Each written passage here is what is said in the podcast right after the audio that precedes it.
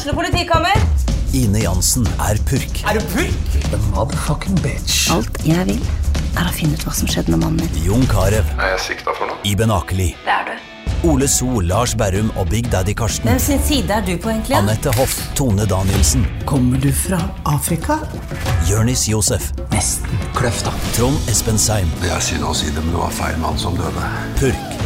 Premiere tirsdag på TV2 Play.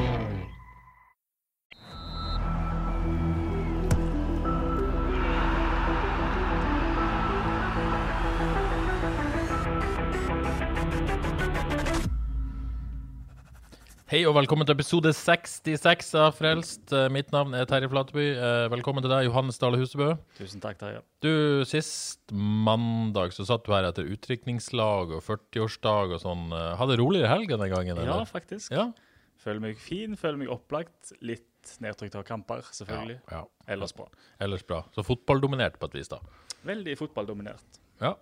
Nei, eh, Og hvordan føler du deg? nei jeg føler meg Altså, hva skal man si? Litt blåmandag. Ja? Litt tungt. Um, la meg jo ikke påvirke følelsesmessig FKH. Uh, faktisk. Er det- er det sant? ja, det, det er sant. Uh, det er jobb. Jeg liker, altså Det er gøyere på jobb når det går bra, men følelseslivet mitt er ikke påvirka. Beklager alle der ute. Men det tror jeg er bra for dere. Okay. Prøv å gjøre en objektiv jobb. Men sånn følelseslivet generelt, eh, svinger det mye, eller er det stabilt? Eller det er ganske stabilt. Er det? Uh, så det er bra. Um, den blåmandagfølelsen dag tror jeg er litt England i går. Ja. Har jo holdt med dette laget siden 1986, da. Trodde at uh, it's coming home. det gjorde det jo ikke. Uh, men ikke så tungt som jeg kanskje hadde trodd det skulle være. Nei, altså, for du har jo til og med en liten Italia-kjærlighet litt på Ja, lur, i ja. tilfelle. Så sånn sett, når det først skjedde, så var det veldig fint at det var Italia. Men, men jeg klarte egentlig ja, altså, det var jo for, ja, Vi skal komme tilbake til dette litt. Men det, det var jo fortjent, så sånn sett så unnta jo Italia det.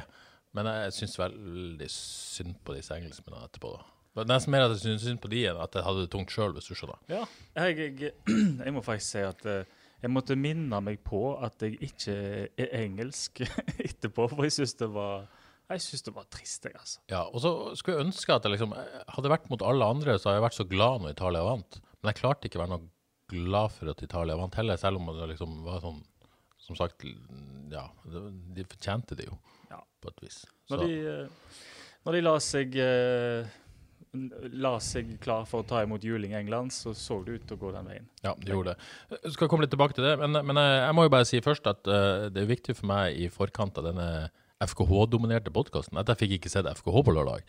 Og derfor, Det må jeg jo bare legge meg helt flat på. Jeg har sett høydepunkter og jeg har lest en del om kampen, men jeg fikk ikke sett kamp. Og jeg, jeg må jo forklare meg.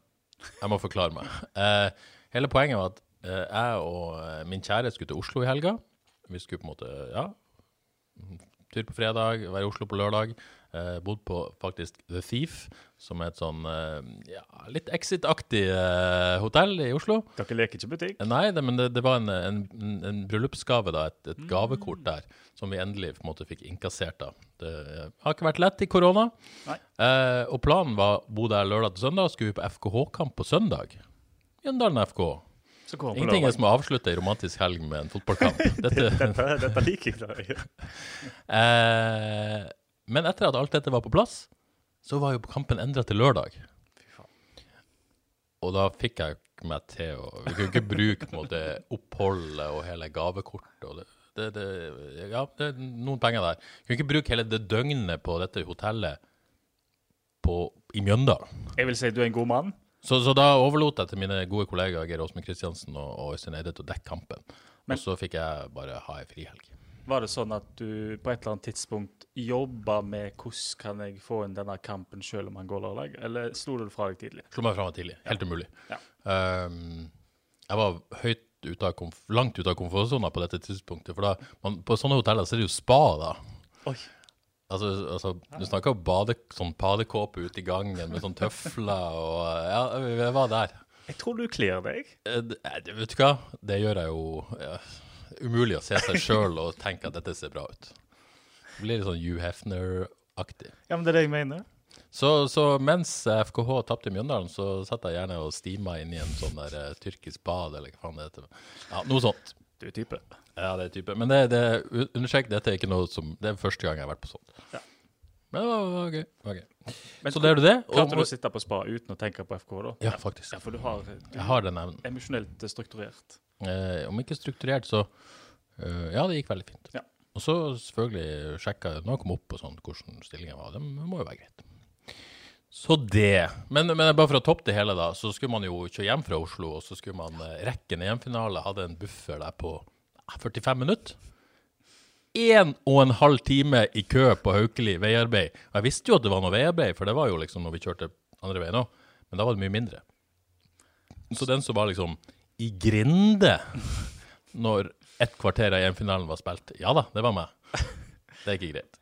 Prøver du å si at det er ikke optimalt å være i grinde når EM-finalen starter? I hvert fall ikke hvis du ikke er foran en TV, i en bil i rundkjøringa der, eller Det er ikke optimalt. Nei, det er ikke det. Nei.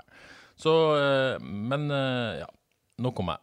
La oss snakke om selve finalen før vi går inn i FK. Vi skal ikke bruke så mye tid på EM. Jeg tror ikke folk først og fremst eh, hører på podkasten pga. EM. Men det føles veldig rart å ikke snakke om han. Det gjør jo det. Hva, eh, hva eh, Ja, hva skal man si? Nei, hva skal en, eh, hvordan skal en oppsummere? Altså, jeg syns jo eh, Jeg holdt med England, da. Um, jeg syns førsteomgangen så traf, treffer Southgate veldig bra. De ser, de ser gode ut i, um, i sin 3-5-2, og de ser ut som de skal ta det. De får jo en tidlig ledelse og rir på den. Men ikke sånn at de legger seg bakpå. De kjører kampen bra og følte meg egentlig ganske trygge. Men så skjer det jo noe i. Plutselig så eh, blir det defensiv tankegang fra Southgate. Litt sånn som frykta. Legger seg lavere, beholder ikke ballen så ofte, kommer seg ikke opp med laget. Og blir pressa av Italia. Og da, får, da skjer det jo sånn. Da får Italia eh, belønning. Og de får jo belønning på et fantastisk vis. da Først vinner de én duell, og så kommer Kili inn i seg foran, og så, det, så får eh, Bonucci til slutt sparka han inn. Så det var sånn virkelig krigemål òg. Så sånn der, dette er fortjent mål. Men jeg følte at det snudde litt da Kiesa ble skada. Da følte jeg ok, da snudde momentumet litt, og så kom England mer med, og så ja, prøvde de å trykke på der. Ja, Fikk vi inn på Grealish og ja. Ja, kanskje litt i ekstraomgangen der, så Ja, da kunne det egentlig gå begge veier, men kanskje England var hakket bedre, da. Og så kom jo disse byttene da, som er blitt diskutert opp og ned og fram og alt det der. og Vi skal ta det. Også, men jeg må bare si en ting. Jeg, syns jo England da eh, har vært litt sånn Det har vært mye kritikk mot England på et vis. Og det har blitt litt sånn kult og mislikt i år på et eller annet vis. Men, men jeg syns England har vært så litt deilig kynisk, kalkulert og uengelsk, eller mesterskapet, som, som, før, som jeg tror har gjort at de faktisk kom til finalen. Men samtidig så var det det som felte de litt i finalen. Ja, den tror jeg Eller? Jeg er litt med på han òg, men jeg, jeg syns jo at uh, den første omgangen så var de akkurat der de skulle være. fordi når de fikk 1-0, så så det, det så kalkulert ut, men uten at de liksom la seg eh, bakpå. Andre omgang syns jeg ikke var kalkulert. Da syns jeg de tenderte så vidt mot det litt desperate der at eh, det var vel neppe det de ville. Nei, Nei. helt sikkert ikke, men det var liksom please, la dette gå, fikk jeg følelsen av at England eh, spilte. Jeg tror de mista hodet litt. da. På Ja, jeg syns det. Ja, mm. Jeg syns det.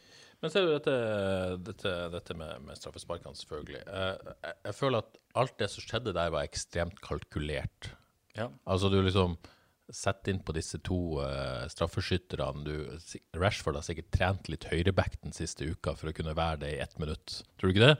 Det vil jeg tro. Ja, ikke sant? Du får innpå disse guttene, og så skal de liksom spille ett eller to minutter. De liksom avventer to byttemuligheter der for å ha de innpå kortest mulig tid, Mm. virka det som.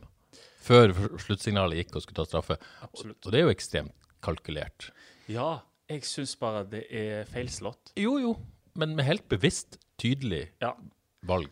Men jeg ville sagt, hvis en tar eh, Louis van Gaal, når han bytta inn eh, Tim Cool der i siste minutt for å få inn på keeperen, så skaper det eh, en sånn der nesten sjokkarta følelse, tipper jeg, hos de som skal ta straffa. Hvorfor skal han inn? Er han så god? Men når du, de stakkars to spillerne som kommer inn, som vet at eh, på klubblaget så er de i en helt annen posisjon, og de har, eh, og tallene deres lyver jo ikke, de treffer jo stort sett på straffene. Begge er vel rundt 90% litt under, litt over. Men det er jo noe helt annet å komme inn uten nesten, uten å ha noen posisjon i laget.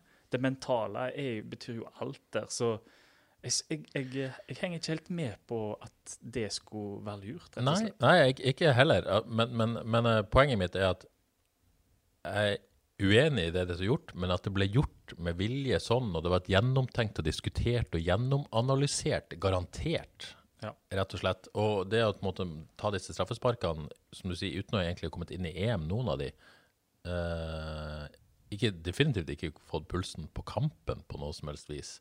Og det presset å bli satt inn der, alle vet at du bare er kommet inn for å skåre på straffe.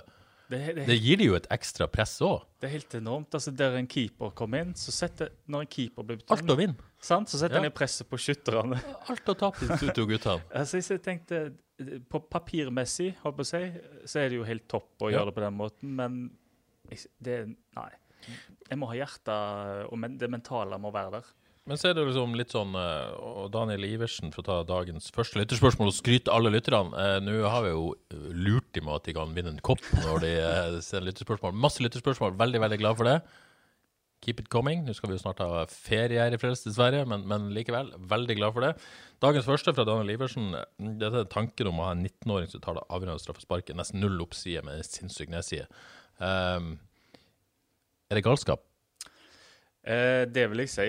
Jeg eh, så kampen på sportsbaren på Indre Kai. Og for å si det forsiktig, det var bl.a. Eh, kjære, vår kjære spiker Tor Risanger. Han var helt uh, forferda fortvila over at en 19-åring skulle gå fram og ta det ansvaret. Og det, det er noen andre måter å se det på. Jeg syns jo det er gale. Men skal ikke den, den som skyter først, og den som skyter sist, det skal være de to sikreste kortene på et vis? Det må det være. Og Kane tok først. Altså, du skulle hatt en annen. Jeg, jeg tenker jo at han burde tatt sist. Bomma. Men det, det, så har du psykologien at han bomma sist, da. Ja, så skal han ha en god start. Ja, men, men du fikk jo den gode starten, da. ja. Men, men uh... Men òg hvem, hvem som skulle tatt straffene. Den er ikke så sånn voldsomt enkel. Men jeg tenker jo Henderson ble bytta ut. Altså, han er jo bomma på i oppkjøringskamp, tror jeg, eller noe sånt. Så, Ja. det- Men men så- Shaw Se. Ja. Um, Stones har jo en god fot, i hvert fall. Men det er klart at igjen, dette, de har jo garantert trent og trent og trent. Dette er de beste til å ta straffe. Så det er jo på en måte kalkulert, kalkulert, men overraska lite psykologi som er tatt inn i det. Ja, det syns jeg. I forhold til anledninger og trøkket og presset og det mentale. Hvem som kan takle det, da. Jeg tror jo Henderson som ble bytta ut, han tåler det der. Men- Selv om han er teknisk dårlig på en straffe, så setter han den. Ja, ja. Men på den annen side, igjen vil si at det er overraskende lite. Selvfølgelig har de tatt De har på en måte tenkt på det og trodd på det. Ja. Og jeg tror, eh, hvis jeg skal, ta, hvis jeg skal s- bevege meg litt vekk fra det, så er det jo de der, uh, de straffeskytterne de utkrystalliserer seg jo ikke helt da. Nei, nei, nei, nei, nei det, det er jo ikke noe å ta Men Grealish hadde jeg også trodd at skulle ta en straffe. Men Ja, men han, driver, han viker litt unna i Villa og sånn, så, men uh, han er jo litt eldre, da. Skikkelig amatørpsykologi herfra. Oh. Gareth Southgate eh, vet jo dette. Han, han har gjort dette, han har bomma. Har han tenkt at eh, jeg gikk frem, jeg var forsvarsspiller, jeg var rutinert, jeg hadde alle disse tingene. Det er jo en del sånn type Shaw, Stones disse. Han hadde på en måte Ja, han var den typen. Han bomma. Har han tenkt at eh, eh, det er bedre å være ung, og uredd og god teknisk, og faktisk være god og straffe, ha den tryggheten, enn å sende disse rutinerte, som egentlig ikke er noen gode straffeskyttere, fram? Er det liksom Han ble tatt av sin egen uh, opplevelse, da, på et vis? Ja. Og den, det er jo for så vidt fair nok, tenker jeg, det der. Men um, da tenker jeg du må ha, i fall, du må ha en, uh, et godt mesterskap bak deg, en god sesong. Det føler jeg er veier tyngre. Men det at uh, Marcus Rashford tok, det syns jeg egentlig er OK. Han begynner å bli noen år nå. Men Sancho, som er helt litt ute av det, både litt på klubb og i hvert fall på landslag, det er jo for så vidt Rashford òg, men han, han er litt eldre, da. Og så har du Saka han sist. Saka som gjort et fint mesterskap, men jeg skal ikke ta den Og så bør du jo også kanskje gjøre vurderinga at ok, nå har Saka faktisk ikke hatt en god match heller, så han Nei. går jo ikke liksom inn i den og full av selvtillit heller. Så selv om du har bestemt deg for det på forhånd, så må du på en måte ha evnen til å ombestemme deg, da. Og den hadde de jo ikke. Yes. Uh, må jo bare si, før vi er ferdig med EM, uh, utrolig at de ungguttene går fram og gjør det. Håper ikke det ødelegger karrieren deres så voldsomt. Eller, han er jo Arsenal-spiller, da, så håper det ødela litt. er det lov å si i dag? Er det for tidlig? Ja, det tror jeg. Er det for tidlig? ja, jeg gjør egentlig ikke det. Jeg håper virkelig at de kommer over det, disse gutta. Uh, men Italia vant fortjent beste lag i turneringa. Ja. Eh, fantastisk lag, fantastisk gjeng. Eh, ja, det er jo bare å Og hele, altså, han brukte måte hele, hele stallen. Maskinen har gjort en eh, ekstremt god jobb. Enorm jobb. Ja. Fy fader. Og de har sett så bra ut eh, at eh, Nei, det, det er vel unt. Det er det ingen tvil om. Selv om da jeg faktisk syns Spania var veldig, veldig god i perioden mot Italia i semifinalen. Så, så det, det må jo ha vært den beste kampen sånn i, i mesterskapet, nesten. Tenk etter sånn i, i Hvis du tar intensiteten der i tillegg da, til, til kvaliteten. Toppnivået til Spania det er ingen som matcher, tror jeg. Yes. Nei, men eh, nok om EM, eller? Okay. Uh, vært et gøy mesterskap. det har det. Veldig gøy. Overraskende bra. Gode dommere. Mye bra. Det er litt sånn sorgfølelse å, å være at et mesterskap er over. Det er det, men samtidig også litt sånn Du får jo ikke noen pause fra Eliteserien, det men litt sånn trenger litt pause nå før Premier League begynner. sånn. Ja, det gjør jeg. Ja. Jeg, jeg er ikke klar for Premier League helt ennå. nei, det er godt at uh, Hvor lenge er det, da? En måned? Ja, det er faktisk det. Ja, det, det tror jeg Det er trenger fint. Det, det trenger vi. Um, før vi begynner på FK, vil jeg bare si en kjapp ting. Gratulerer til Avaldsnes som vant. Ja, Det trengte de. ja jammen meg. Ai, ai, ai. La om til 4-3-3-1. Ja. Ai, ai, ai. Det er det, det som må til i dette myen, tydeligvis. Ja. Det er ikke noe 4-4-2-by lenger. Nei, nei, nei. nei. Nei, nei, Veldig viktig seier fra Avaldsnes. Veldig bra. Uh, FK. Um, 3-0 mot Mjøndalen. Hva skjedde, Johannes Dale Husebø? Hva i all verden? Ja, det var eh, For å dissekere det litt, så uh, FK gikk jo ut i 4-3-3 da, Lise tilbake som spiss. Uh, Badou på, eh, ut til høyre, Terkel uh, eh, leter løpere. Um, det så jo egentlig De første minuttene så gikk det ut i høyt press, eh, og jeg tenkte OK, tøft. Men så altså de første 20 minuttene oppsummert, så er FKH så De blir så dominert av Mjøndalen. Jeg så han på ny nå at eh, jeg trodde egentlig det var jevnt, men de blir skikkelig dominert. Og jeg vil egentlig si at eh, ta hatten av eh, for Mjøndalen, fordi de eh, gikk inn i kampen med, med hjertet ut på drakten og eh, med taktisk, eh, eh, taktisk plan som funker med å straffe FKH akkurat der de kan straffes. Og hvor Så- er det? Nei, for eksempel eh, det med eh, den midtbanen som eh, da kommer det høye presset, så ble det jo tatt på motpress på 1-0. eh, 1-0. FKH eh, kjører angrep. Eh, Mjøndalen vinner ballen. Så stormer FKH opp for å presse de høyt igjen. Og så ble de spilt av ganske enkelt. Eh, med å tre seg gjennom midtbanen og tre han ut på høyre der. Og så gjør jo eh, Tore Jeg vet ikke helt hva han holder på med der. Det er så ulikt han. Han bare Han rusa inn i press der på, på Ja. ja. Det bare dratt av veldig enkelt.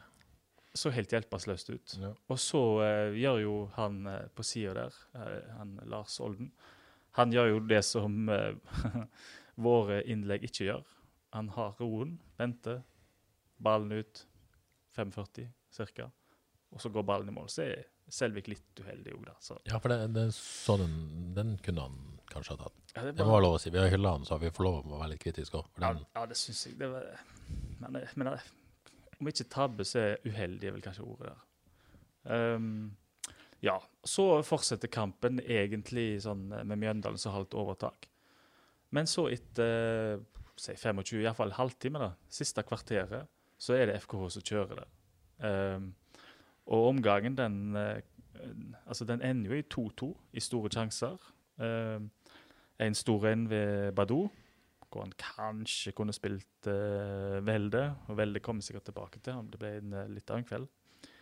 Eh, ja, og han fikk jo da sjansen på det stolpeskuddet for å lete der. Men det ender i 2-2 i store sjanser, og, og omgangen oppsummert er egentlig ikke så ille heller, fordi eh, FKH kom godt med. Og sånn så det ut i andre omgang òg. Første ti minuttene så er FKH klart best. De kjører kampen. Eh, jeg tenker her kommer 1-1, men han må komme òg. Men så kommer han ikke.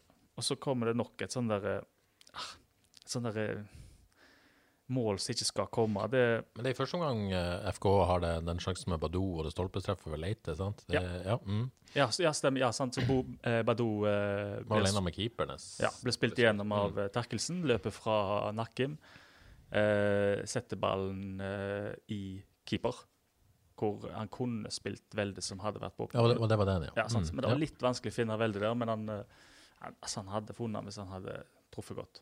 Og så var det Leite som skjøt han i stolpen, så føyk han rett i Velde, og så trilla ballen ut til sida, egentlig. Men jeg tror det var, jeg tror det var opp med offside der, så jeg tror det ble litt offside på Velde. Sånn, Ja, på Velde, ja. sånn sett på TV-bildene i reprisene. Ja. Mm.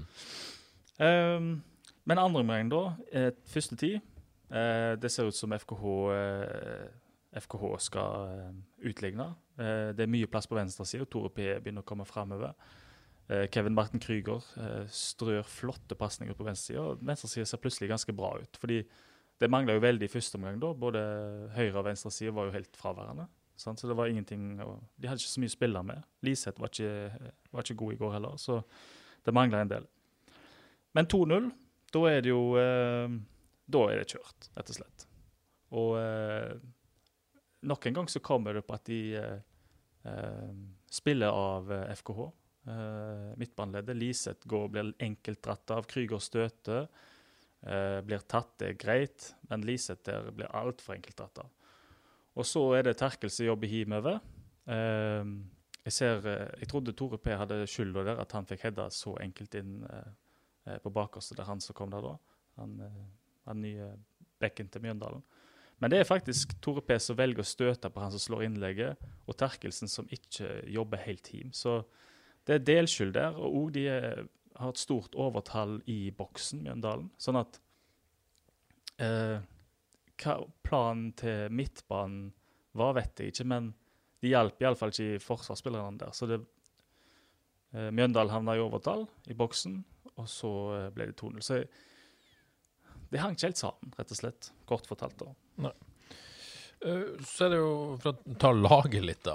eh, Det er jo en viktig faktor i dette, tror jeg, da, uten å ha kampen. Eh, Mikkel Esler var i startoppstillinga, men, men måtte da ut, eh, ut med en skade etter, etter oppvarminga. Eh, Ta en skadestatus litt senere. Så var jo Stølås syk også, som gjorde, virka som, som Jostein Grinhaug sa etterpå, at hadde ikke Stølås vært syk, så hadde Stølås starta på venstre og, og Tore på høyre. Ja. Eh, sa han i hvert fall til, til, til oss etterpå. Eh, men med, med Stølås ute så måtte Tore spille venstre. eh, Fredriksen ut på høyre back og, og Pallesen inn. I tillegg så hadde jo jeg trodd at Wadji skulle starte. Fordi at han trente jo, så vidt jeg kunne se, for fullt både onsdag, torsdag og fredag. Og var friskmeldt, og det visste jo faktisk det at han spilte en hel omgang. Ja.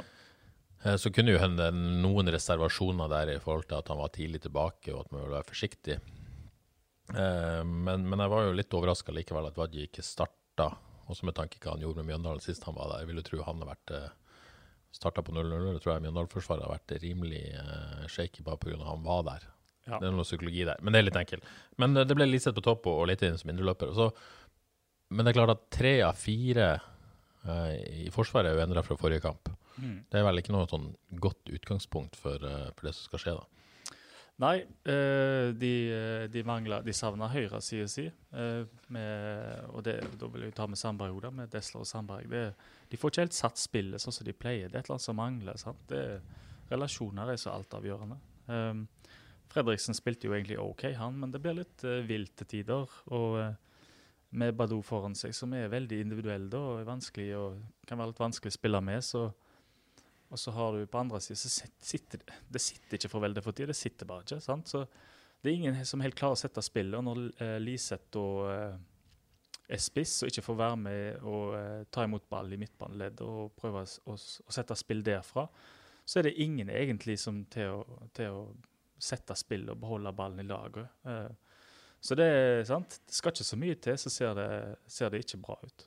Um, det er mange, som, mange lytterspørsmål på dette. greiene her. Steinar Stueland lurer på hva, hva, hvor viktig er Mikkel Lesler vis, vis, eh, eller hva gjør Han var tydelig savn med en Steinar, da. Eh, helt opplagt. Og hva gjør FK når han forsvinner? Thomas Ustad, fraværet til Stølos og Desler, hvor utslagsgivende var det? At bare Tidemann var igjen liksom fra forrige kamp. Og, og herr Bjerga på Twitter, tror jeg er en Stavanger-fyr. Ja. Uh, Ulrik på høyreback back funka ikke optimalt. Bør FK tenke på livet etter Destler og fikse en bedre backup, eventuelt da en bedre venstreback hvis Tore skal over der. Altså, er det er de for sårbare på backene? Og, og dette med Desler, hvor, hvor viktig var det at han ikke var der? Fikk vi se det, liksom? Ja, det syns jeg.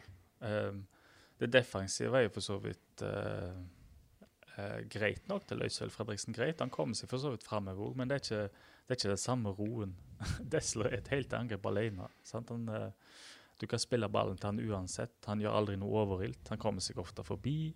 han og Sandberg har en enorm Ja, for det her er jo viktig at måtte Sandberg også mangler Du mangler hele den vanlige høyresida det. på et vis. En gjør det, en er så vant med å sette spillet derfra og, og, og bruke det. Og, eh, og det at en kan liksom hvile på at en har den høyre sida, gjør jo at andre kan slippe seg mer løs òg. Og det tar eh, mye oppmerksomhet fra andre òg, på et vis. Den høyresida. Jeg syns Desler er Altså, en, Han ble jo skrytt av. Jeg vil nesten si han er undervurdert uh, allikevel. For han, han er så bra at uh, Nei, de savner han jo enormt. Og det ble på en måte veldig tydelig da i denne matchen her, da. Ja, de gjorde det. Det, Mm. det syns jeg. Selv om Fredriksen er OK, så er ikke relas relasjonene sitter ikke. Men bør nå liksom Du har liksom den beste spilleren og den eh, sterkest relasjonelle Sandberg som mangler. Det, det, det blir kreativ kraft, selvfølgelig, Ja. begge to. Ja. Mm. Um, men dette livet etter Desler, da. Det, liksom, det ser ikke så bra ut. Akkurat når man sitter denne mandagen i et podkaststudio og tenker. Nei, Hva, hva bør FKH gjøre? Må de lete etter en, en, måte, en ny offensiv høyreback? Altså, bør, de, altså, de er jo sannsynligvis starta leting allerede. Eh, er, er, det, er det viktig å f Ja. Tror på Torek. Du tror på Tore? Ja, jeg gjør det. Ja. Jeg syns han er god, jeg. Uh, det er Altså, 1-0-målet er en eh, forferdelig eh, tabbe, men eh, og den venstreback-diskusjonen, hvem skal spille og sånn, den, jo, den tar vi jo hele tida. Og eh, jeg er nok i utakt med mange der. Syns han eh, både spiller bra For å si det sånn, vi kommer tilbake til den i dag òg. ja, Ja, ja. Men i hvert fall da, hvis en sier at han ikke er så offensivt naturlig anlagt på venstresida, så vil jo jeg da egentlig kontra med å si at når han slår innlegg, sånne innoversvingte innlegg, så blir det veldig farlig mange ganger. Um, men akkurat det å forsere framover på den måten, det vet jeg ikke helt om han er typen til egentlig. da. Sånn, Altså det om å ta med seg ballen og Ja, gå, liksom. Ball ikke. carrier på et vis. ja, Jeg vet ikke om han er så naturlig som det allikevel. Det har jeg litt lyst til å se. da. Men det er jo sikkert lettere på den høyresida som mm, Ja. Ja, det, det uh, I utgangspunktet, ja, men det er noe med stilen hans. Jeg vet ikke helt. Men, men nei. Men en ny back må vel inn uansett. Altså, hvis Ja. Hvis du tar det premisset, da. Det er jo ikke gitt, men jeg tror jo det. Ja. Des, premisset Disle forsvinner, så står du igjen med, med, med Tore Pedersen og Alexander Stølås. Så har du til nødstab f.eks. Ulrik Fredriksen som kan spille høyreback. Men jeg vil jo tro FK vil gå inn i en sesong med, med Stølås og Tore Pedersen som backer. da. Mm. Vi er vel enige om at da må det inn en ny back. ja, jeg har en jeg kunne tenkt meg å gi. Du har det? Vil du Ja. ut med navnet? Ja, hva? Vet ikke om det er mulig å få han. For Nei, det er nei, sikkert nei, flere. men uh, Men jeg, jeg syns uh, Stabæk har en eh, 19-åring, Ottesen. Han ser jækla bra ut, rett og Ja, Er han slett. høyreback eller Ja, venstreback? Han er høyreback. Han er offensiv, han kommer til å bli god. Så Men hadde det ikke egentlig vært bedre med en ung venstreback, da, så kan Tore på en måte Nei.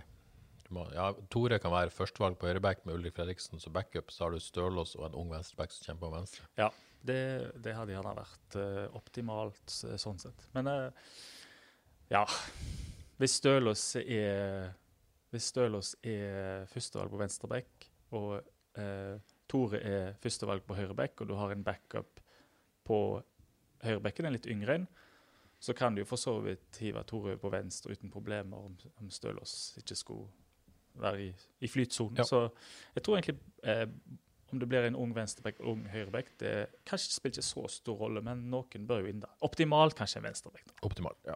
Øh, laget Reidun Norskog lurer på om det var tabbe med Liseth på topp. Om, om uh, tar vel sikkert høyde her for at Wadji ikke kunne starta, men at Badou kunne ha trua bakrommet. her. Blir det litt etterpåklokt det, kanskje, med tanke på at vi så jo for så vidt uh, Badou Da ville jo Terkelsen spilt høyrekant, sannsynligvis. Liseth ned. Det, det var jo ikke så bra, det heller. Eh, da så fikk de ikke satt presset. Nei, nei, jeg er med på det, men jeg, jeg er litt tilbøyelig til å være enig i det. Fordi eh, i etterpåklokskapens lys så savna en jo noen på midtbanen der som kunne ta imot ball og holde litt på den, og der eh, savna jo Liseth der. Og kjørt Badou på høyre og Waji eh, på topp. Eh, det tror jeg blir ganske kaotisk å forsvare seg mot eh, hvis det hadde skjedd ved kampstart på 0-0. Når jeg må, bli, eh, når jeg må jage liksom, utligning, sånn, så blir det ikke helt samme vilkår. Så, men det er etterpåklokt. Men jeg, jeg syns jo det, da. At det, det, det blir jo et feilgrep.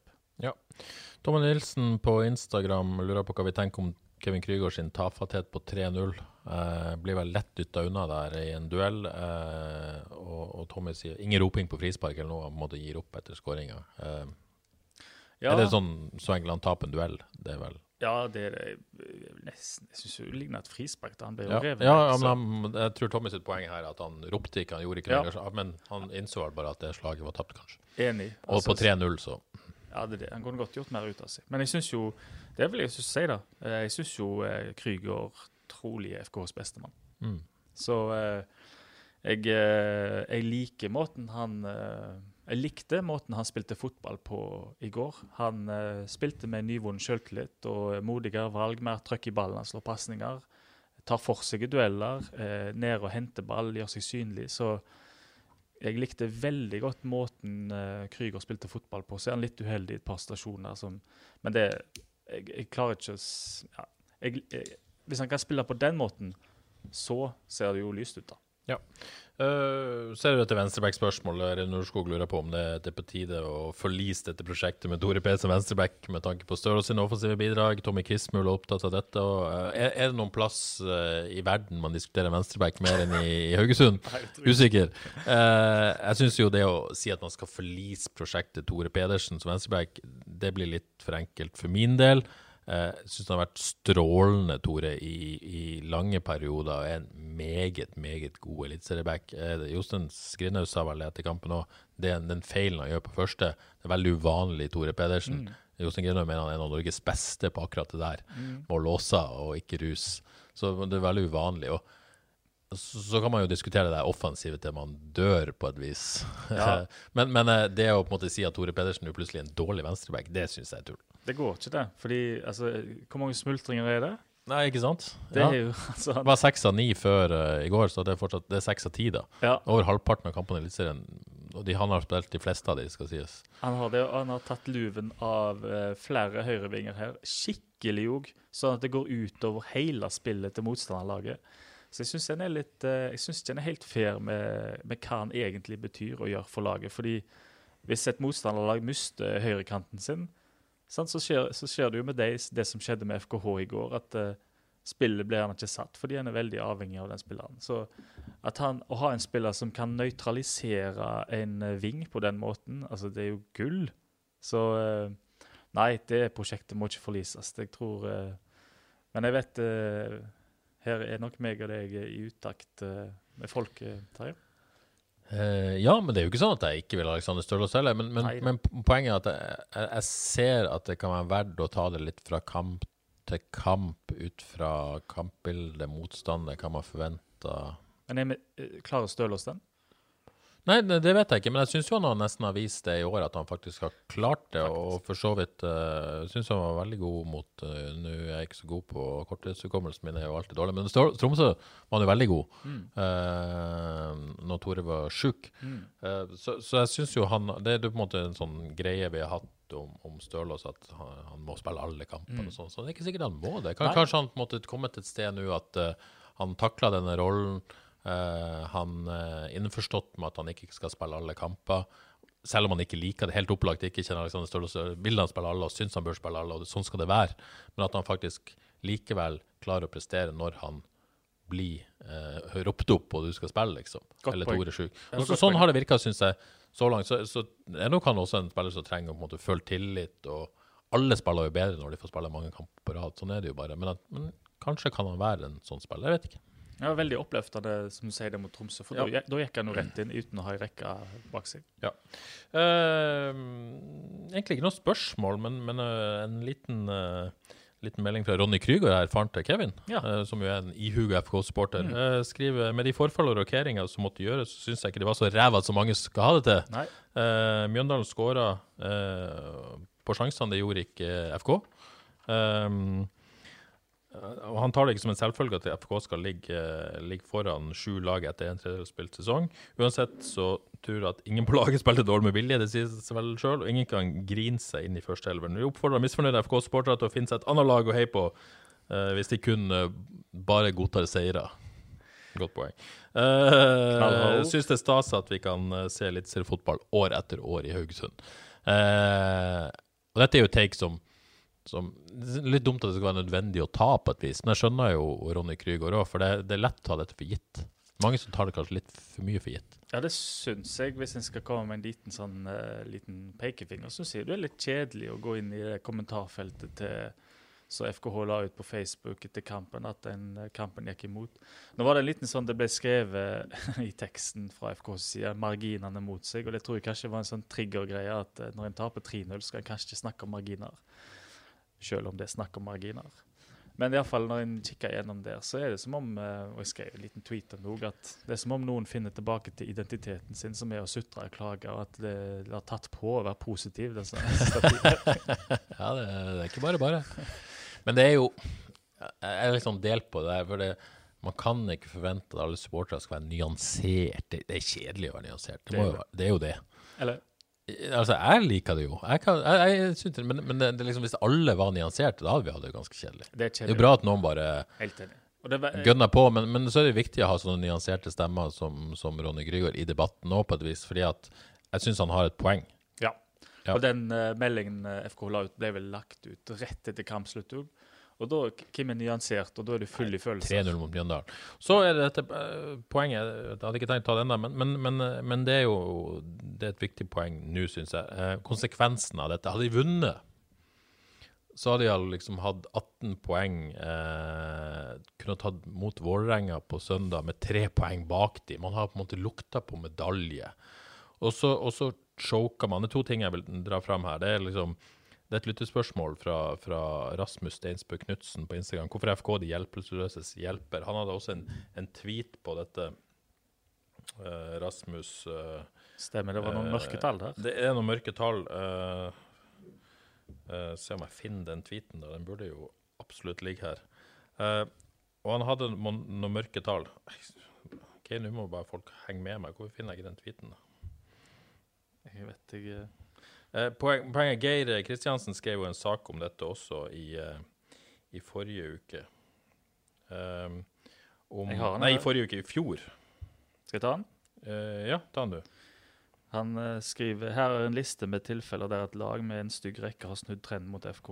2015 Mjøndalen 11 kamper uten seier. 2016 Start 39 kamper uten seier. 2018 Sarpsborg åtte kamper uten seier. 2020 Mjøndalen igjen sju strake tap. 2020 Ålesund 11 kamper uten seier. Og 2021 da åtte kamper uten seier. Ja, Så tre av de er jo faktisk Mjøndalen.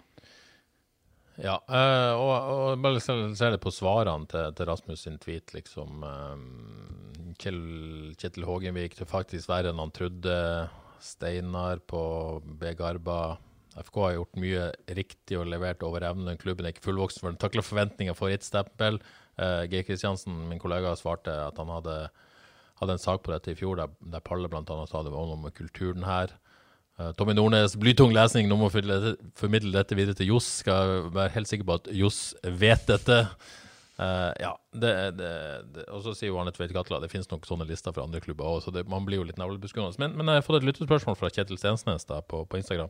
Hva skal til for at FK ikke choker når det begynner å oppfattes som et lag i flyten, og som det forventes seire? Er det ikke litt der, der, det er? At når man har vunnet noen kamper nå, og man begynner å bygge opp en forventning og, og, Denne lista er jo lang, men, men, det handler jo ikke bare om det. Jeg, føler ofte det Jeg tror ikke det må være følelse òg, men jeg føler det har vært mange ganger i den posisjonen der man begynner å liksom Nå, hvis man bare vinner denne kampen, nå så blir det en toppkamp. Så blir det en medaljekamp. Men ta, kampen før den, den tapte de.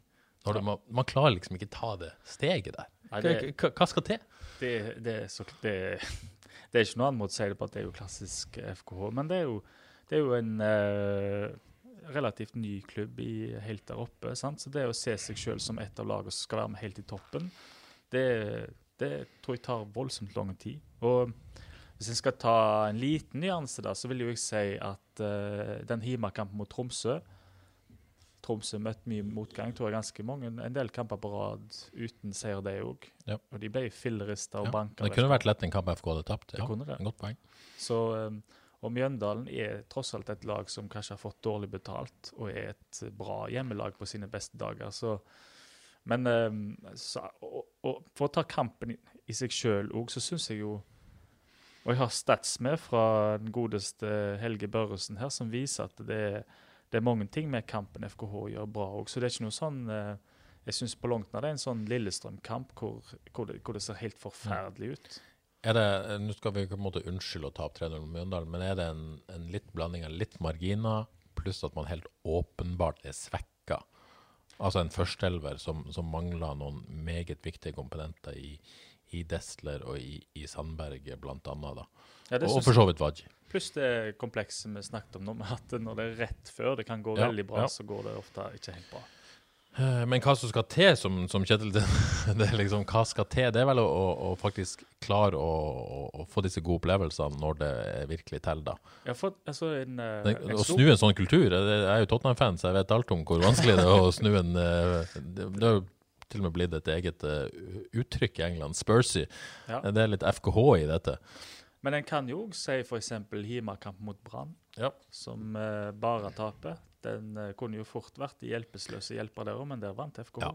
Så det har på en måte ja, så Det nyanserte her er at ja, dette stemmer, men, men de kunne lett gått på sånne smeller tidligere i sesongen òg. De kunne så, så det å plukke ut én kamp hvor det er et lag som har hatt motgang, som vinner over FKH, det kan en jo selvfølgelig gjøre, men en kan plukke, en, da må en nesten ta med andre kamper hvor FKH har møtt lag som er i motgang og, og slått de, og det har de iallfall gjort to ganger. da. Og de tok poeng borte mot Rosenborg, f.eks.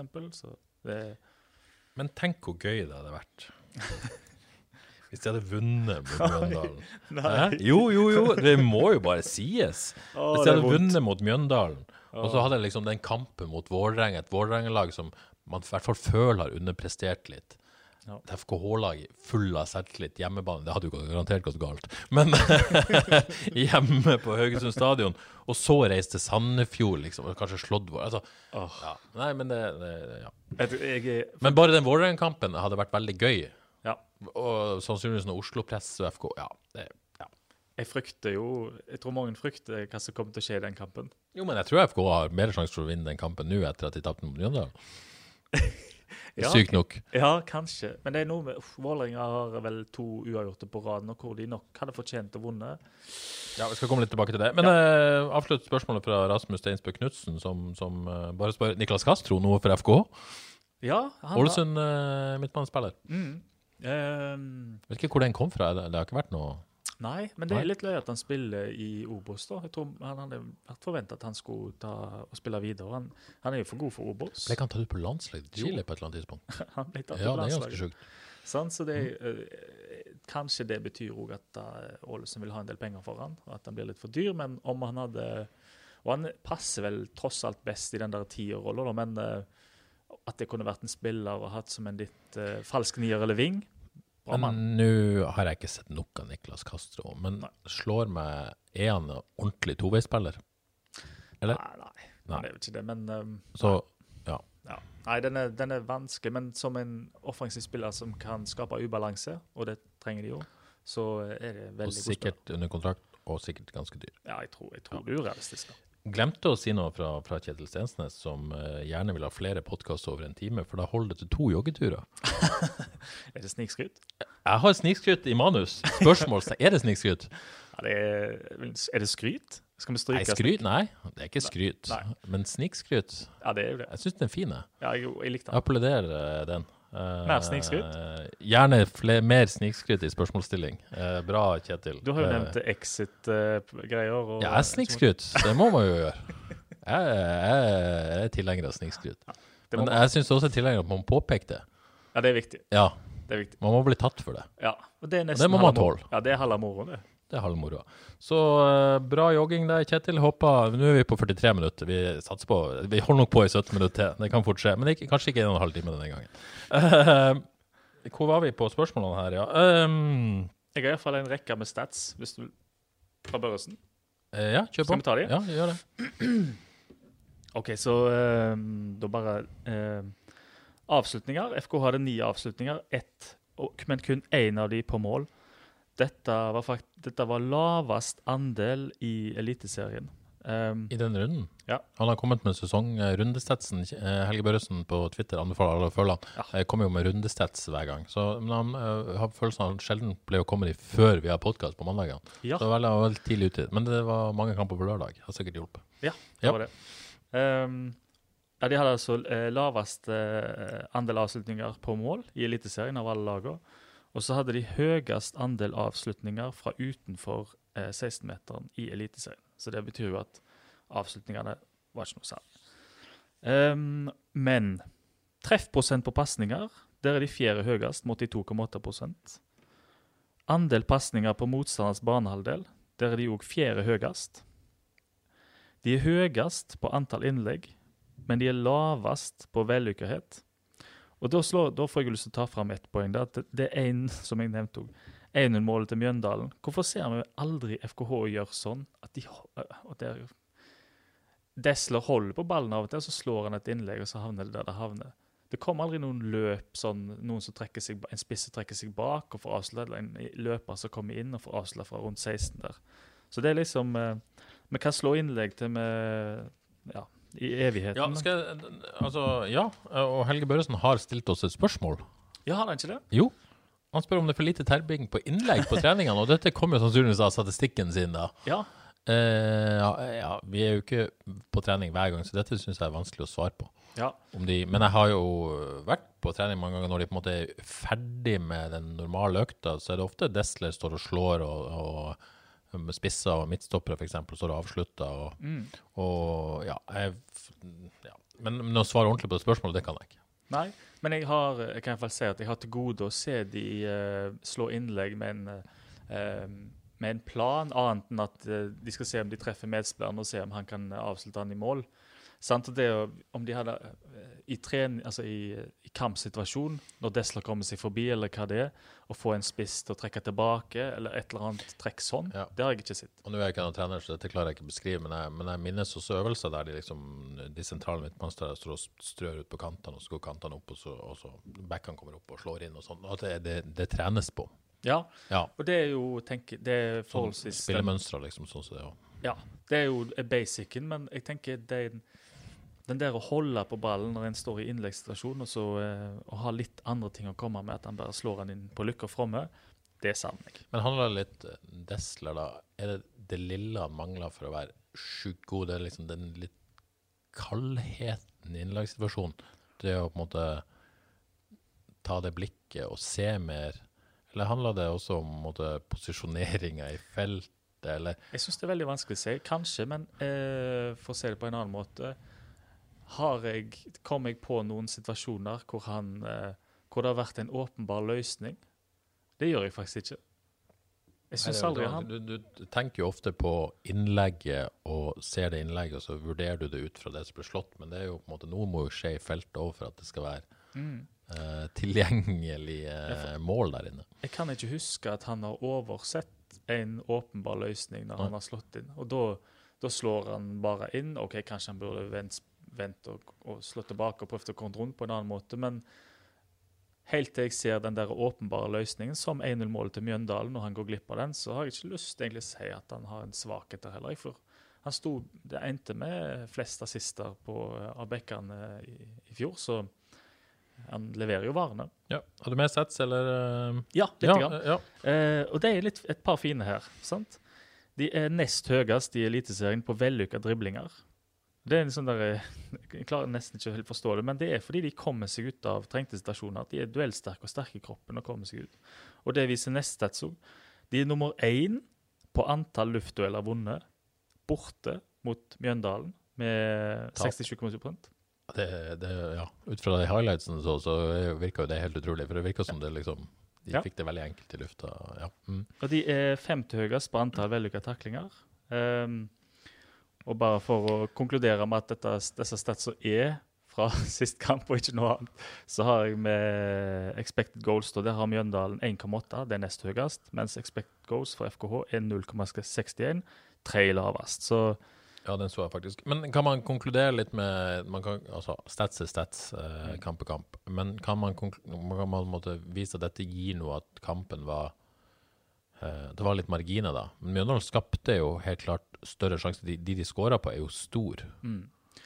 Um, ja, jeg syns fra 2-0 så er, er det litt over. da. Sant? Siste halvtimen, da er, da er kampen litt over. Men før 2-0, eh, siste kvarter 20 i første omgang, første 10 i andre omgang, og da er vi oppe i en halvtime. Den er FKH sin. Og eh, 10 minutter av de, 15 minutter av de er FKH klart best. Og det er egentlig ut, ja, de er så nærme å få 1-1 der, og da kan alt skje. Så ehm, jeg blir overhodet ikke med på at denne kampen her eh, var så galen som eh, mange skal ha det til. OK, eh, litt om venstresida. Det er liksom to forskjellige spørsmål, to forskjellige innfallsvinkler. Steinar Stueland spør hva skal til for at FK skal bruke venstresida mer. Eh, han forstår at Velde blir oppgitt. Han så det også mot Tromsø, at liksom eh, det ikke blir brukt nok da. Eh, og så spør Raymond Skau, da. Velde har en dårlig sesong kontra i fjor, mener han. Uh, om det bare er han som mener at Velde har mista litt fart. Han syns han virka litt tung, da. Uh, det er jo på en måte to forskjellige innfallsvinkler på ei venstreside som kanskje ikke fungerer så godt som man hadde håpet. Men jeg syns den fungerte veldig bra mot Tromsø i perioder. Der så vi også relasjoner mellom Stølås og Velde òg. men men eh, ja, du var inne på Velde tidligere. Ja. Um, først første omgang så blir det jo tatt på senga, og da er det vanskelig å vurdere venstresida, utenom det at um, Velde ender jo opp med å få eh, med å kunne nesten skåre. Hvis Badou hadde fått opp eh, blikket på den store sjansen, så hadde han fått mål. Og så ender med den der eh, så fyker i beina ut langs sida. Og det, dette er en gutt som var eh, stjerna i fjor, som eh, håper å komme til utlandet, som veldig gjerne vil skåre mål og er god foran mål. Og når han spiller med så høy intensitet, så må vi forvente at, eh, at det går gale når det, når det går gale, for å si det sånt. I andre omgang så kom det seg litt, fordi eh, Tore Pedersen eh, kom seg framover. Det ble mer plass på venstresida. Krüger slo noen lekre pasninger. Men for Velde sin del så ville det seg bare ikke. Han, jeg tror ikke han er blitt noe tregere i det hele tatt, men han møter Han, han kommer seg ikke forbi. Han møter han Brustad kom inn, og han var Altså, han har farten til å holde følge med Velde, og så er han litt sterkere i kroppen. Så han vant ballen en del. Men jeg tenker med Velde nå, så eh, Altså, han spiller til en einer i min bok. Så dårlig var han. Men og at vi skal kritisere han så mye mer nå, det har jeg egentlig ikke lyst til å være med. Nesten så jeg har lyst til å på en måte håpe at supporterne, med er supportere, da, jeg er supporter, at vi må prøve å støtte han litt. Når det, det er en ung gutt med stort talent, og det, når det går gale, så koker det over for han. Så håper vi kan eh, snu det litt nå og støtte han, så han eh, kommer i gir igjen. Altså, jeg, jeg, så jo ikke kampen, så jeg kan ikke, kan ikke si noe om, om Velde sin prestasjon. Men det jeg har lyst til å si generelt, det er jo det ene er at er det en litt sånn klassisk sesong så langt der eh, han hadde en tross alt kjempesesong i fjor og, og var, bygde også på en, på en god 2019-sesong når han slo igjennom skikkelig. Eh, er det en sånn klassisk sesong foreløpig at det er klart at han vet at motstanderne vet han må vi passe på. Han er den som skaper ting. Han er den som, Det skjer alltid noe med Velde. At, at han har en sesong der nå man må finne ut av hvordan han skal ha den rollen også. eh, og ikke være et overraskelsesmoment lenger, for det er han på ingen måte. Det tror jeg er et kjempegodt poeng. Det er det ene. Og det andre er at selv om han er dårlig, da, eh, så skjønner jeg veldig godt at du beholder han på banen. Eh, for det første så gjør han en kjempejobb defensivt, selv når han er dårlig offensivt. Det er det ene.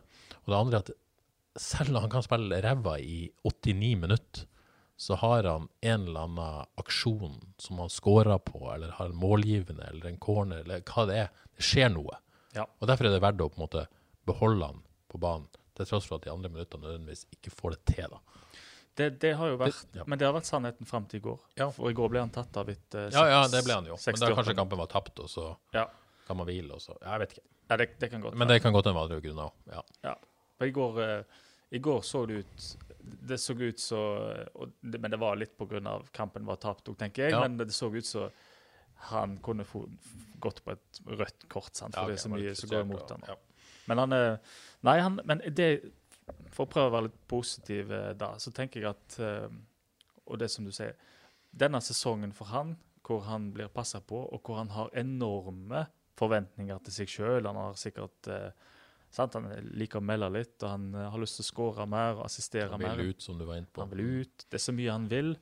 Sant? Men nå går det ikke helt sånn som han vil. i år. Og da, eh, hvis han klarer å takle det, Eh, og det gjør han ikke foreløpig. Men eh, da må vi supportere hjelpe han litt, syns jeg. Så han, hvis han klarer å takle det, så kommer han ut på andre sida som en langt bedre spiller enn hvis alt hadde eh, fløte i år òg. Så det er noen ting der framme som jeg tror kan bli bra. Ja. Bra. Eh, da tror jeg vi legger vekk den kampen. Eh, så vil jeg gjerne komme med en eh, liten sånn skadeoppdatering. Mm. Um, jeg var i kontakt med fysioterapeut Ørjan Sørhus i eh, FK Mm. i morgentimene i dag for å høre litt. Um, status på, på Mikkel Desler. Det er altså problem med en legg. Og det må undersøkes over de neste dagene for å få mer oversikt over omfanget av skaden. Okay. Uh, og han vil ikke spekulere hvor lenge han er ute. Så uh, usikkert med Mikkel. Han kan altså Hørtes litt skummelt ut. Ja, jeg, jeg, jeg tror ikke vi skal tolke for mye i det, men det er vel at han kan ikke love om å tilbake neste kamp. Eh, men, men ja, litt uavklart. Mm. Så det er, det er ikke sånn at eh, det var en filleting han tilbake på søndag. Nei. Det er det ikke. Dessverre. Stølås da? Så, nei, Stølås var vel bare syk, så det sjekka jeg ikke engang. Nei, Han var jo, eh, jeg, jeg vet ikke status med Stølås, men han var jo syk en gang i forrige uke. Uh, og, men var på trening når jeg var der på fredag. Mm. Uh, men, men ja, vet ikke. Syk. Men tro, trolig er jeg skulle jo tro at han skulle vært tilbake. Men, men klart, hvis Tore var jo også syk og sleit litt med det på et eller annet tidspunkt, så det kommer jo an på hvor syke de er. Klart at disse toppidrettsutøverne, når de er sjuk-sjuk, så blir de skikkelig dårlige. Eller ikke skikkelig dårlige, men de, de tapper de selvfølgelig. Mm. Ja. Så, så hva, hva som skjer der, det Men, men vi må jo kunne anta at Stølås blir, blir klar til Det er jo nesten ei uke til. Da går det jo mot uh, å få se Stølås på venstre bekk og Tore på høyre bekk. Ja.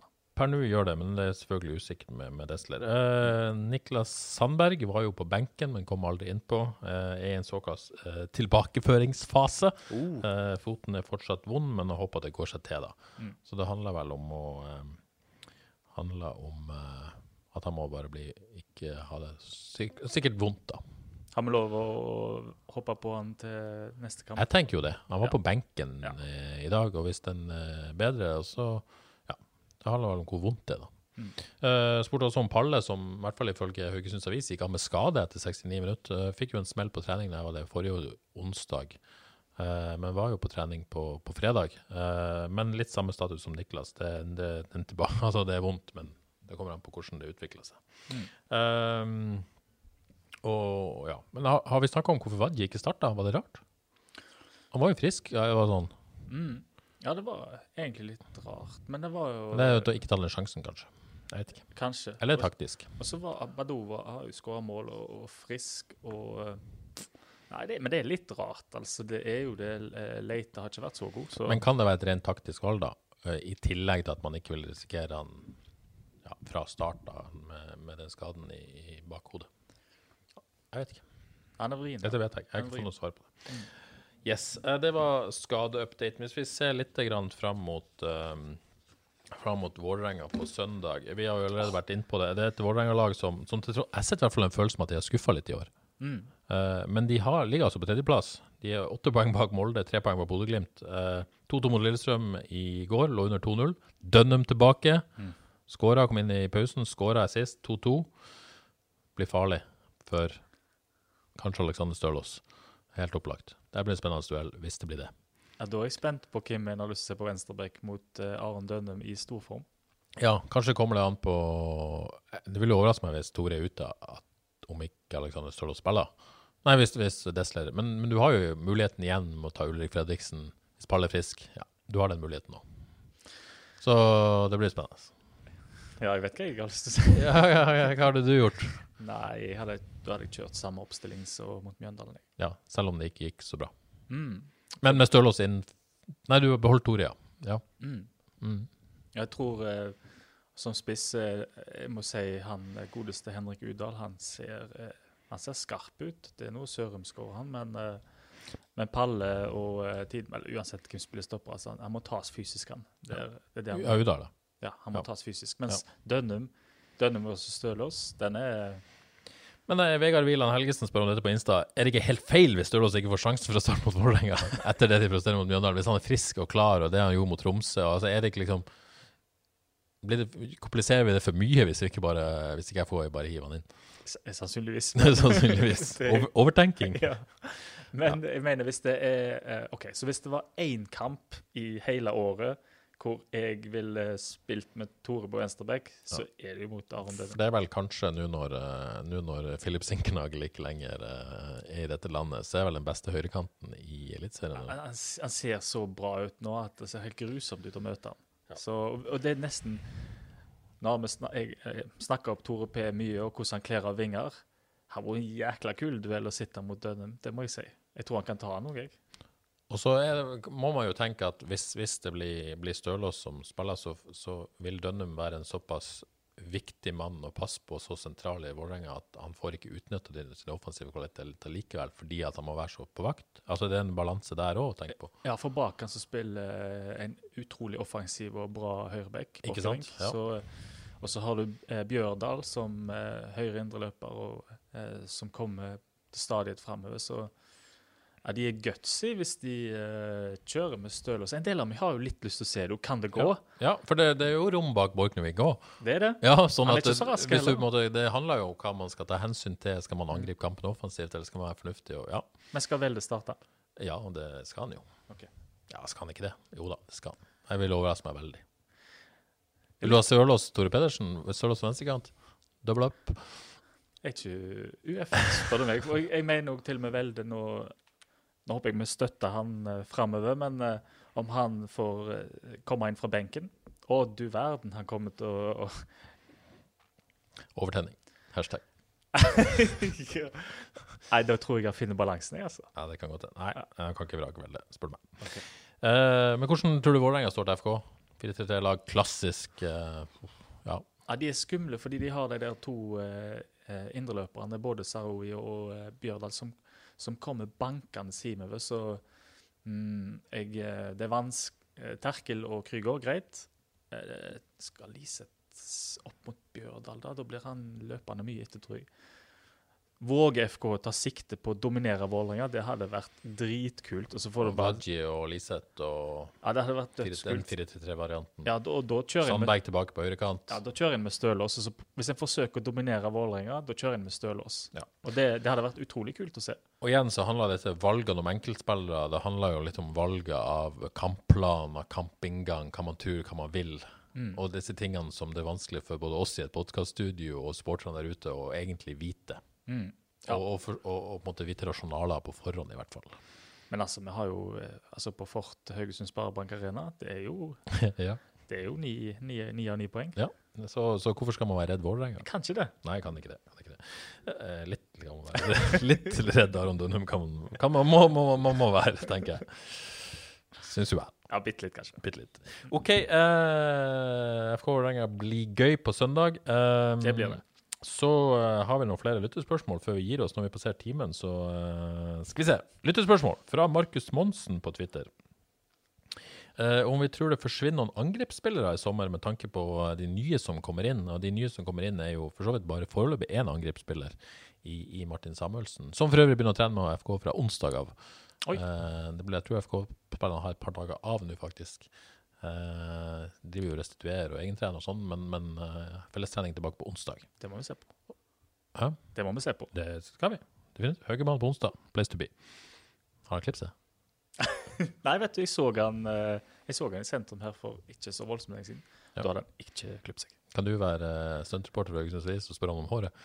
Sånn at jeg slipper å gjøre det. Jeg nekter. Du nekter jo. Jeg tror jeg nekter òg. Men anyway, det blir veldig gøy å se Martin Samuelsen tilbake. Men, men spørsmålet om Markus Monsen er forsvinner angrepsspillere i sommer. Eh, og her er vel eh, Steinar på Twitter òg. Uh, spør en viss svenske Eurosport, Joakim Jonsson, som mener Vadja begrenser salgspotensial. Uh, og det må jeg jo si meg faktisk enig Ikke faktisk, men jeg er enig med Joakim Jonsson. Uh, alderen til Vadji 26, ikke bra. Skadehistorikken litt eh, sånn strekkska Ikke veldig, men litt strekkskadeutsatt som, som å si, eh, muskulatur og sprinter, det er fart og alt det der tilsier. Eh, den dopingdommen tror ikke jeg øker prisen nødvendigvis, men den ligger nå der i bakhodet. Eh, og, men det, det, det viktigste her er jo statsene. De er ikke fantastiske, vet du Nei. med mål. Så, så det Steinar lurer på, er liksom hvordan liga sin neste stopp. Så hva er naturlig å se for seg Wadji? Ja, det er vel Altså, jeg ser jo for meg at uh, ofte den norske sesongen, eller alle uansett liga, så er det andre halvdel er, Så slippes det litt mer opp. Sant? Det blir litt åpnere rom, litt åpnere kamper. Og hvis Wadji, eh, som jeg syns ser ut til å være på gang Jeg tror han er i form. Veldig god for den skaden. Ja, Ja. han ser fin ut og eh, tilbake allerede nå. Og eh, hvis han kommer skikkelig i gang i, eh, nå her, og får en høst hvor det fyker inn mål i alle retninger, og det pleier jo å skje i norsk ball Altså, jeg, vil, jeg er helt sikker på at han har eh, gode muligheter, eller FK har gode muligheter til å få solgt han for en OK sum. For eh, han er jo ikke den naturlige avslutteren, det vet vi alle. Men når det, når det er kaos og, eh, og, eh, og det baller på seg, så er han en type spiller som plutselig kan finne på å hamre det inn, tror jeg. Så, men jeg, tror jo ikke han går nå, da. Nei, men det er liksom når han kom til FK, nå begynner å nærme seg sånn to-tre år siden, faktisk. Ja. Da tror- jeg han liksom hadde potensialet til å bli det liksom store salget hvis han hadde blitt solgt når han var 24-ish. Mm. Nå er han 26. Ja. 7 ah. Jeg tror det begrenser hvor mye penger de kan få fra han. Uh, tror jeg Kontrakt ut 2022, så vidt jeg husker, det tar jeg fra husken her. Um, jeg stemmer det? Jeg tror ikke FK hadde noe veldig imot han i det vinduet som kommer nå. Nei. Uh, Tror du på det? det, det, det altså, jeg må understreke, dette vet jeg ingenting om. Jeg bare, Nei. Om jeg tror på det? Uh, nei. Nei. Jeg tror ikke han Nå var han skada igjen. Han må skåre mye mål i neste kamp, Mm. tror jeg. For det er liksom eh, Men så har du liksom Så vet jeg det sånn som Kina er et land som bare ser på stats. Der må han skåre mål for å komme dit. Men Mm. hvor ser for Han kommer ikke til noe Kan ikke se for meg Belgia, Nederland det Tyrkia. Tyrkia, men Superligaen? Ah, usikker. Jeg tror altså, Usikker. Har dukka opp noen eh, har opp eh, mye forskjellig der også. Det har det definitivt. Men jeg er usikker på om man uh, Ja.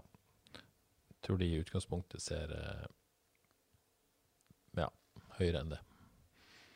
Men det kan, alt kan skje. Alt kan skje. Eh, så litt videre her. Ja, Martin Samuelsen på trening. Ikke, har ikke noe nytt mellom om Alexander Sørlund. Han må rett og slett bare bestemme seg. Så Joakim Jonsson igjen da mente på Eurosport at eh, det var ikke noe problem med penger. Eh, alltid noen investorer som fiksa penger til, til å få tak i de store stjernene hjemme igjen. Jeg kan si at det er ingen investorer i FK. Det er enten så henter klubben han, eller så er det ingen som henter han. Eh, sånn er det FK. Det er jeg helt sikker på. Jeg tror her må Jokke Jonsson gå og ta seg et aldri så lite tebrød.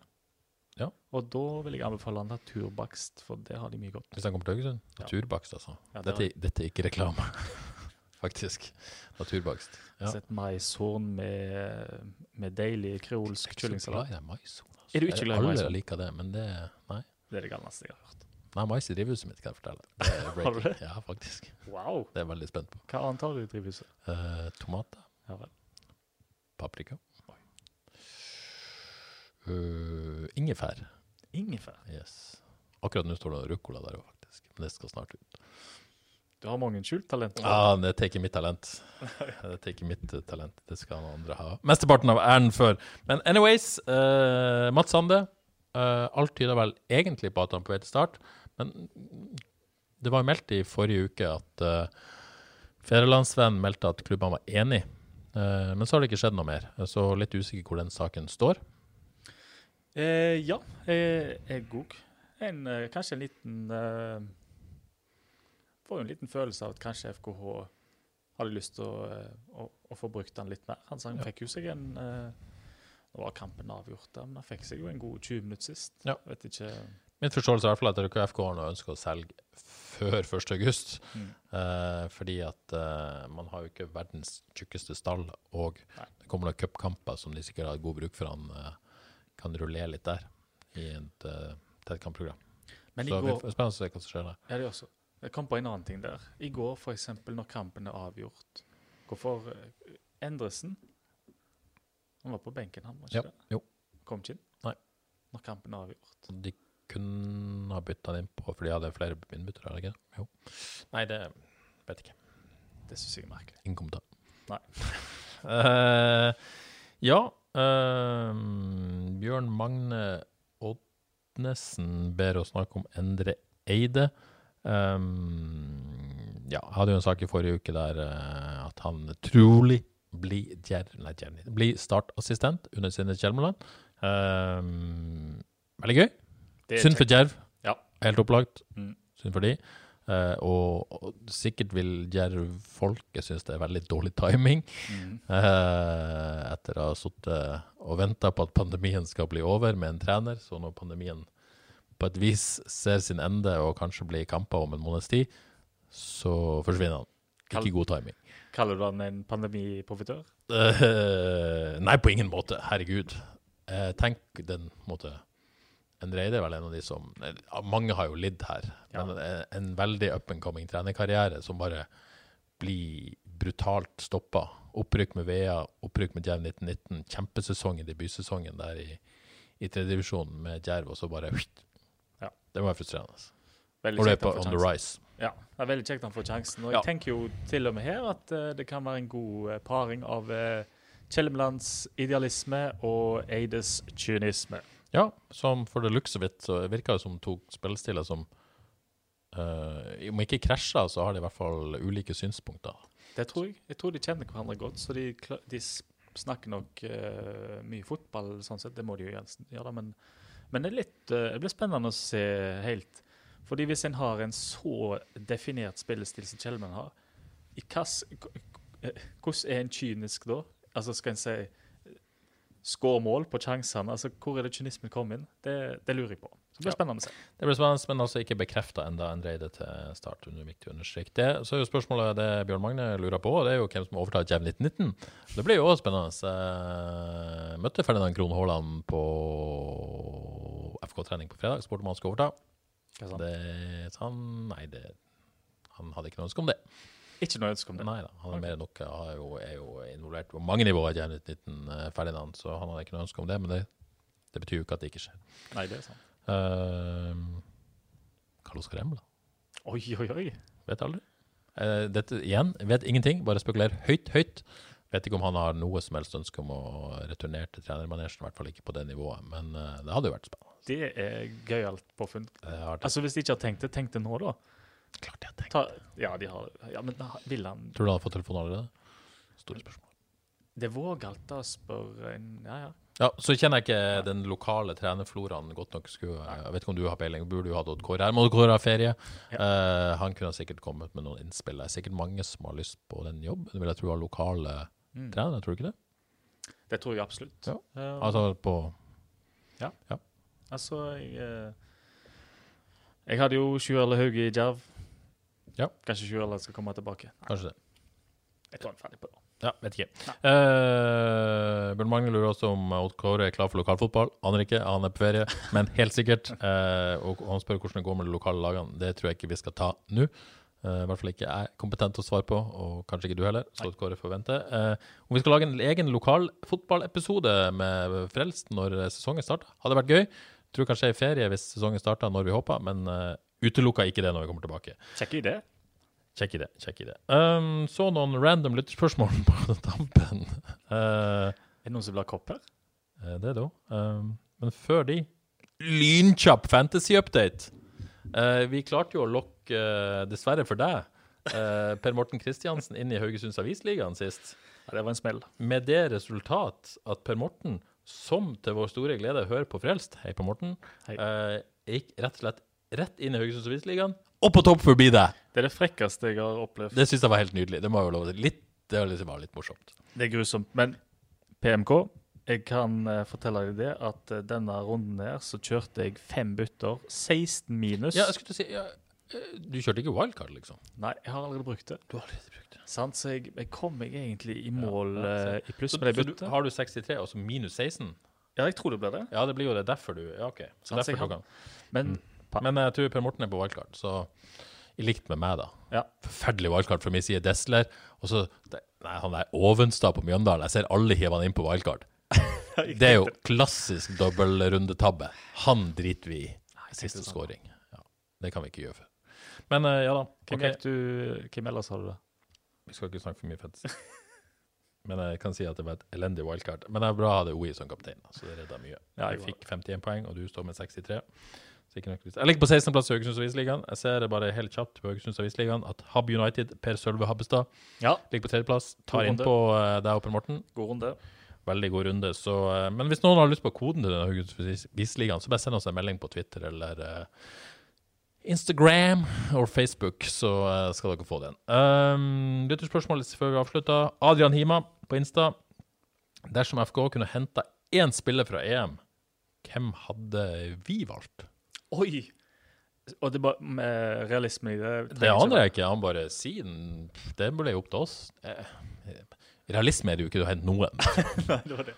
OK. um, kunne jeg tenkt meg Det hadde jo ikke vært eh, helt feil å se hva Lukaku hadde funnet på i Eliteserien på topp der. Ja, du gikk for det mest realistiske.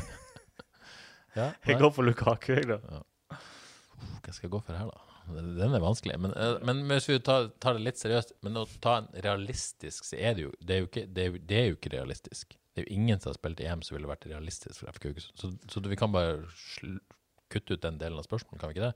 Da må vi jo bare gå Lukaku, liksom. Jeg tenker det. Men hvem jeg ville valgt Lukaku? Er det Kane? Nei, altså Det ville vært tungt å se så det vil jeg ikke. Men eh, ja, jeg ville ha gått eh, Skal vi se, skal vi se, skal vi se. Jeg Jeg vil ta Berat- Beratti. Hvem er den største utfordreren Tottenham? Da snakker vi uh, Liverpool, United, Chelsea, Arsenal Nei, uh, gå for Saka. Få seg nedtur etter straffebommen. Få oi. til uh, FKH for å bygge opp karrieren sin. Kommer til å bli storstjerne. Her òg. Lukaku og Saka. Da har vi de. Ja, jeg tror vi har det der. Eventuelt eh, Sancho. Jeg, da, jeg, da slenger jeg på Verratti. Ja, det hadde vært gøy å se det. Jeg tror ikke Immobile hadde vært så immobil i Eliteserien. Hei. For å si det sånn. Har ingenting å slå på her. OK, eh, Asbjørn Hageland Engenes. Eh, Fosslytter, veldig hyggelig. Eh, lover noe, eh, ung FK-keeper. Favorittøyeblikk i norsk fotball? Oi. Oi. I årets sesong? Ja. Siste spørsmål. Dette, dette, dette er først siste før trekning. Det er ikke i årets sesong. Ever, tipper jeg. Sånn tolker jeg spørsmålet. Hva er ditt favorittøyeblikk i norsk fotball? Oi, oi, oi. Tror du ikke det er ever? Jo, jeg tolker det som ever. I norsk fotball ever. Um, altså her Når FKH eh, rykker opp 2-0 på stadion eh, Johs, banker han inn, og det var smekkfullt. Altså i det første, altså den virkelig gamle dager, holdt på å si. Ja. ja. Det er ditt favorittøyeblikk. Hvor gammel var du da? det største øyeblikk for meg Nei, Hvor gammel var jeg? Kan jeg ha vært da? da? Og du var til stede, liksom? Tenåring. Jeg var på stadion. Ja. Det var helt, helt rått. Ja. Ingenting kommer til å slå det noen gang. Det var helt fantastisk. Nei. Rett og slett. Så var jeg jo borte eh, og så eh, bare FK, da, men borte mot Flekkerøy. Kom seg Ja, du var der, du var i Flekkerøy? på Flekkerøy. Ja, ja, Jeg var og Superstig. Ja, du og Superstig. Så det er en øyeblikk. Ja. Nei, mine, mine øyeblikk er jo uh, fra den gangen jeg var supporter. Det føles jo veldig lenge siden ut. Men jeg har jo også en fortid som uh, supporter av norsk fotball. Uh, vokste opp som Bodø-Glimt-supporter. Um, var litt sånn i tvil hva jeg skulle svare, for her har jeg faktisk forberedt meg. Eh, fordi at Kan jeg sette deg ut med et spørsmål? har-? Ja, Hvem er din favorittspiller på Bodø-Glimt gjennom tiden? det må være Ørjan Berg. Er kl- Veldig close med Runar, men, men ja. Klasse. Ørjan var bedre. Han var det. Han var bare helt sjukt god. Helt enormt. Men det er noe med Runar. Han er på en måte mer en klubbspill, klubbmann på et vis. Men, ja. Begge jobber jo i eller, ja, klubben nå. Eh, men eh, mitt favorittøyeblikk eh, var tidlig. Altså, jeg har jo på en måte vært med på en sånn reise der fra opprykk fra andre divisjon til første divisjon til Eliteserien med, med Bodø-Glimt i tidlig 90-tall. Men hvis jeg skal være et øyeblikk eh, 18 år, cupfinale, Strømsgodset 1993, Ullevål, Bodø-Glimt-genser. Eh, tok toget ned. Eh, 2-0 der på Ullevål. Bent Inge Johnsen, Ja. Tom Kåre Staurvik. Ja. Det var liksom min, mitt forhold til norsk fotball var enda ikke ødelagt av jobb, da. Uh, og ja, det var, det var ikke så lenge etterpå det ble ødelagt av jobb, men det var liksom uh, Det var et veldig kult lag de hadde. Også. Altså, jeg har eh, disse blir norgesmestere. Skal jeg lese opp alle, eller? Skal vi ta oss tid til det? Ja, ja. Ronny Westad, Ola Haldorsen, Trond Solli, som selvfølgelig var trener, Charles Berstad, hvis noen husker han, Andreas Evjen, faren til Håkon Evjen, Runa Berg, Tom Kåre Staurvik, for en mann, Feilslegge han hadde, Tommy Hansen er det ingen som husker, Nei, han, jeg husker han, Åsen Bjørkan, sentral selvfølgelig nå, faren til, faren til Fredrik. Bent Inge Johnsen, som jo skåra, er trener eh, på relativt ok nivå, tror jeg faktisk nå. Husker bare ikke hvilken klubb. Harald Brandt, Martin Brattbakk. Torald Aga, ingen som husker. Petter Solli, verdens lengste tå. Bare noen Bodø-Glimt-sportere som husker han. Tor Micaelsen. Ivar Morten Nordmark. ikke Oi, oi, oi. mann med håret. Der har du gjengen som vant uh, NM i 1993. Stig Johansen var ikke der Nei, helt var litt tidlig. Ja. Mm. Kom fra Lofoten ikke så lenge etterpå. Mm. Da har du gjeng. Du har kontroll? Nei, nei, det, nei det, altså, dette er Wikipedia. Altså, jeg, så jeg skal ikke skryte på på det. Men nå må vi avslutte. Vi må ha en trekning. Ja. Uh, jeg har en kopp her, en frelskopp med masse lapper i. Alle som har stilt lytterspørsmål i dag, uh, er med i denne trekninga. Sist så trakk du ut en uh, nærmest en kompis. det var litt Kan vi prøve å unngå det? Jeg. Ruller godt rundt her. Har fortsatt ikke fått Champions League-kula. Men er det sånn Er det varme og kalde lapper? Nei. Nei. Nei, nei. Her er det fullstendig nøytralt. Spennende. Og der, der fant jeg den. OK. Det var det. Hvordan ble det jeg skulle lese opp? av det, jo? Ja, var det sånn? ja, for det var OK, her kommer en lapp. Er det kun én lapp der?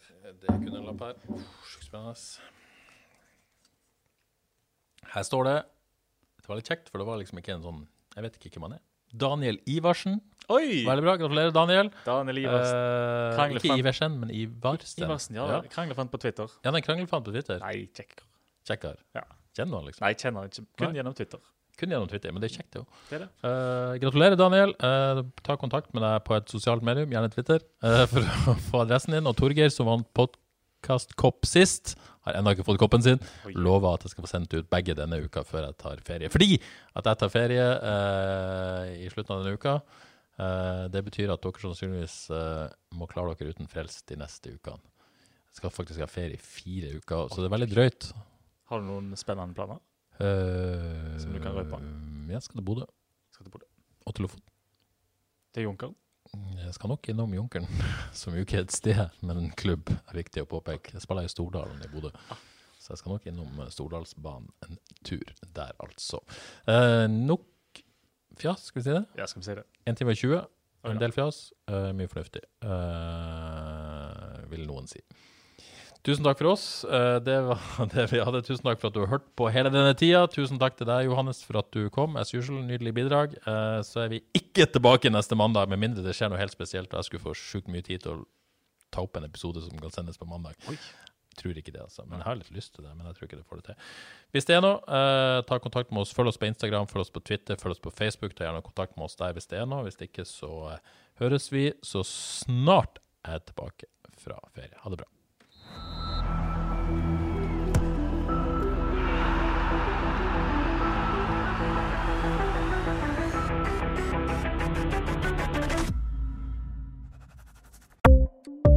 Ukens annonsør er HelloFresh. HelloFresh er verdens ledende matkasseleverandør og kan være redningen i en travel hverdag. Mange av oss har nok vandret i butikken både sultne og uten en plan for middagen, som ender med at vi går for de samme kjedelige rettene gang på gang. Middag burde være dagens høydepunkt. Som HelloFresh kan du nå velge mellom 25 ulike retter hver eneste uke, eller få HelloFresh til å sette sammen menyen for deg. Dette gir deg muligheten til å prøve nye og spennende retter alene eller sammen med familien. Du velger antall porsjoner og får alt levert på døren på et tidspunkt som passer for deg. Oppskriftene er enkle, og maten er lett å lage både for store og for små. Ved å få alt levert hjem får du også mer tid til å dele matgleden med familie og venner. Kanskje det frister med asiatiske tacos eller greskinspirert kylling? Da kan jeg anbefale deg om å gå inn på hellofresh.no. Her kan du bruke koden FOTBALL og få opptil 1779 kroner i rabatt på de første fem matkastene hvis du ikke har prøvd HelloFresh tidligere. Du kan også bruke rabatten hvis du har vært kunde og stoppet abonnementet ditt for tolv måneder siden eller lengre. Gå inn på hellofresh.no og bruk koden FOTBALL. Har du et enkeltpersonforetak eller en liten bedrift? Da er du sikkert lei av å høre meg snakke om hvor enkelt det er med kvitteringer og bilag i fiken, så vi eh, gir oss her, vi. Fordi vi liker enkelt. Fiken superenkelt regnskap.